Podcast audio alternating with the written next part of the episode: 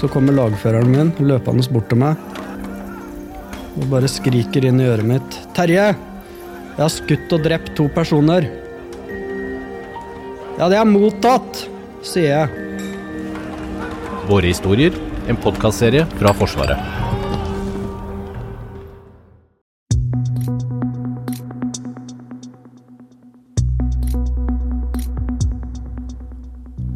Og med i dag skal Norge lede det som er Natos stående minerydderstyrke i Nord-Europa. Men hva går oppdraget egentlig ut på? Skal vi rydde gamle miner fra verdenskrigene, eller er mineryddingen knyttet til krigen i Ukraina? Du hører på Forsvarspodden, og jeg heter Lars Hallingstorp. Nå er vi om bord på um, KNM Nordkapp, som er uh, flaggfartøyet i Natos stående mineryddestyrke. Uh, de skal være ute i seks måneder, og oppdraget det starter i dag, fredag 13. januar. Her står jeg sammen med styrkesjef, kommandørkaptein Ole Torstein Sjo. Uh, Velkommen til Forsvarspodden. Takk skal du ha. Du, kan du ikke først si litt om hva, hva er Natos stående mineryddestyrke? Eh, Natos stående minerydderstyrke er en av fire stående styrker som Nato har eh, for å kunne ha kontinuerlig tilstedeværelse og evne til å reagere der eventuelt Nato trenger det. Så eh, vårt oppdrag er egentlig å sikre at vi har den evnen. Trene og øve sammen og vise at vi fungerer og kan operere sømfritt. Når du sier at, at det kan rykke ut når Nato trenger det, når trenger Nato eh, mineryddere? Eh, Nato trenger det nå òg. Eh, altså, vi gjør nytte av oss eh, selv i fredstid. Eh, så eh, hva skal en si at en, en, en, gjør nytte av seg selv om vi ikke er involvert i noen krigshandlinger sånn som det er nå. Men skulle det dra seg til, da, så vil, vil vi være ytterst viktige for å skape handlingsrom og mulighet til å bruke farvannet til vår fordel. De neste seks månedene nå, nå drar dere ut altså fredag 13. og blir borte der i seks måneder. Hvor, hvor skal dere seile? Vi skal seile rundt i primært Nord-Europa. Og når jeg seiler nord, sier Nord-Europa, så blir det fra egentlig en engelsk kanal nordover langs norskekysten og inn i Østersjøen. Hva, hva, skal dere gjøre? Vi skal vise flagg. Og vise Nato sin Nato-alliansen sin samhold. Vi skal øve og bli enda bedre i det vi driver med. Og så skal vi ha det gøy. Det er en viktig del av jobben det òg, for å holde ut i seks måneder. Så jeg ser frem til det. da. Skal dere faktisk også rydde miner?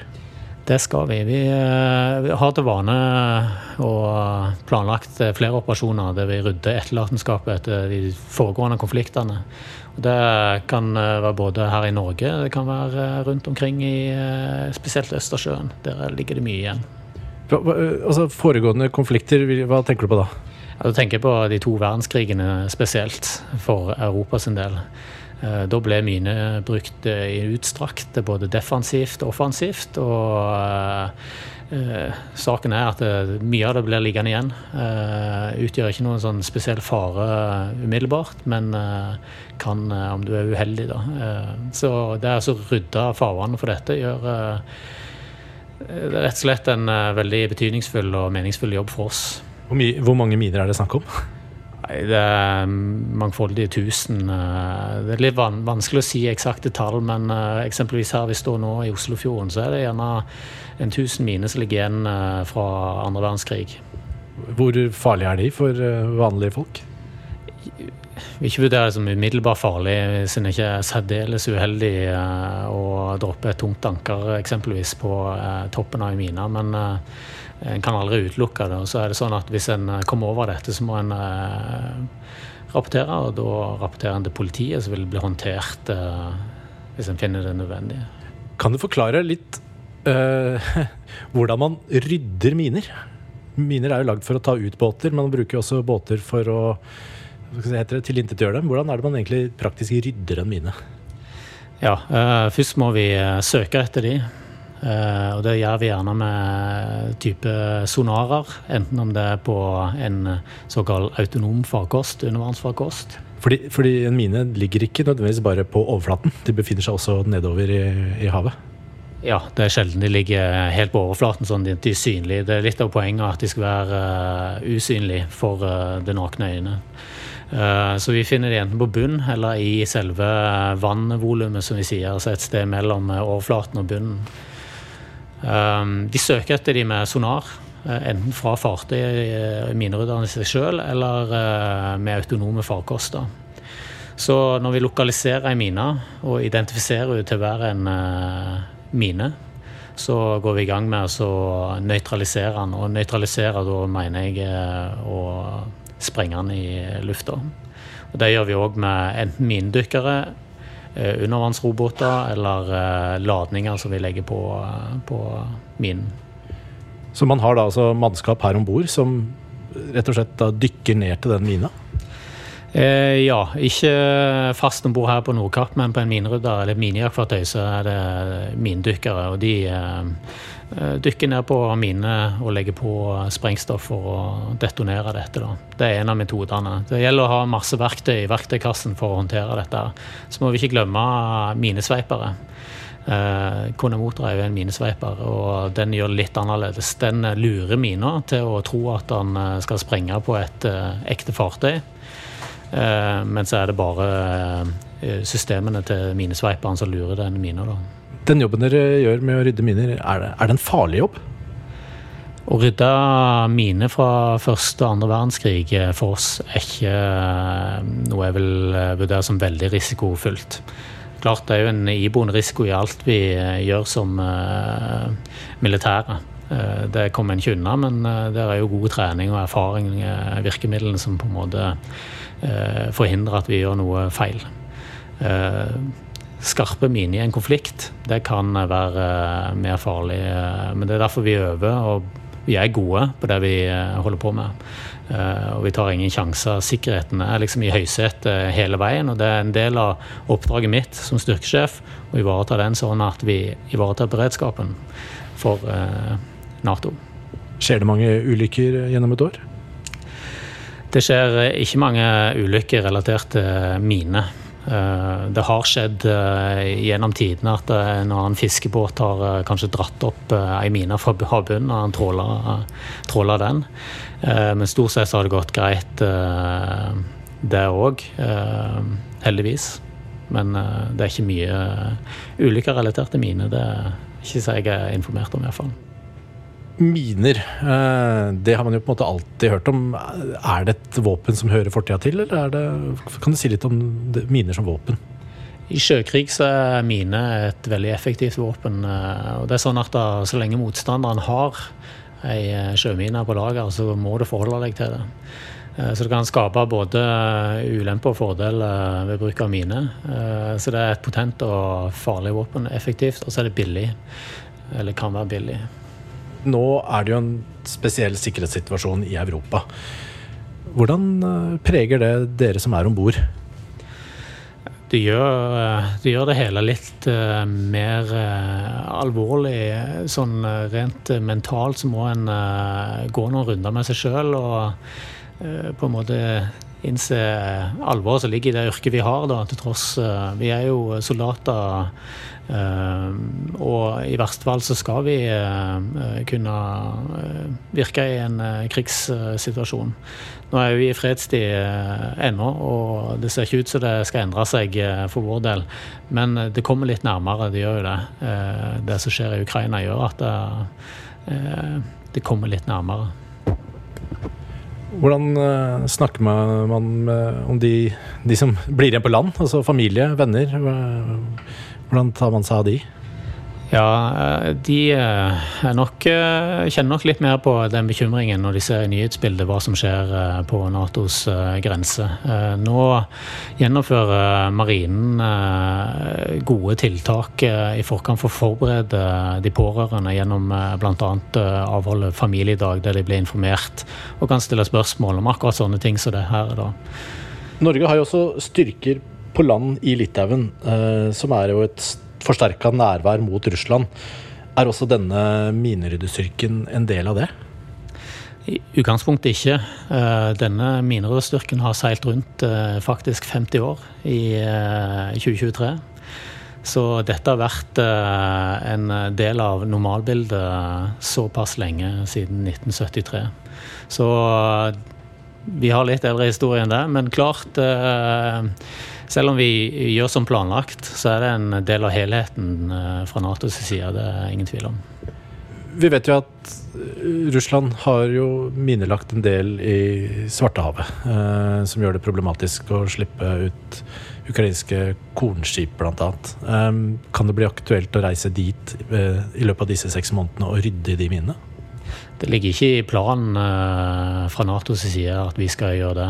Vi eh, har normalt operasjonsområde her i Nord-Europa, og det er nok her vi trengs eh, mest. Så får vi se hva Nato ønsker oss fremover. Men det blir en politisk beslutning, sånn som jeg ser det. Hvorfor er det viktig at NATO, NATO har slike styrker, og hvorfor er det viktig at Norge bidrar? Eh, det er viktig for Nato å ha eh, en eh, reaksjonsstyrke som kan være i stand til å rykke ut først der det trengs, og der politisk ledelse i Nato bestemmer at vi må være. Det er viktig i Norge å bidra, for det innenfor det maritime domenet så er jo vi en kystnasjon og helt avhengig av omkringliggende allierte støtte oss, og da kommer de sjøveien. Eh, og Det er jo spesielt viktig i forhold til det krigføringsområdet vi er delaktig i, det minekrigbiten, å kunne sikre sjøveien.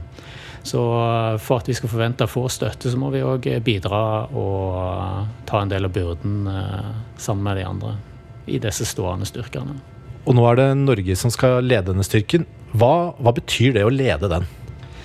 Først og fremst er det jo en ære for meg sjøl eh, og for teamet mitt eh, å gjøre det. Det er jo symbolsk viktig for Norge å vise at vi bidrar og tar en ekstra belastning eh, sånn sett.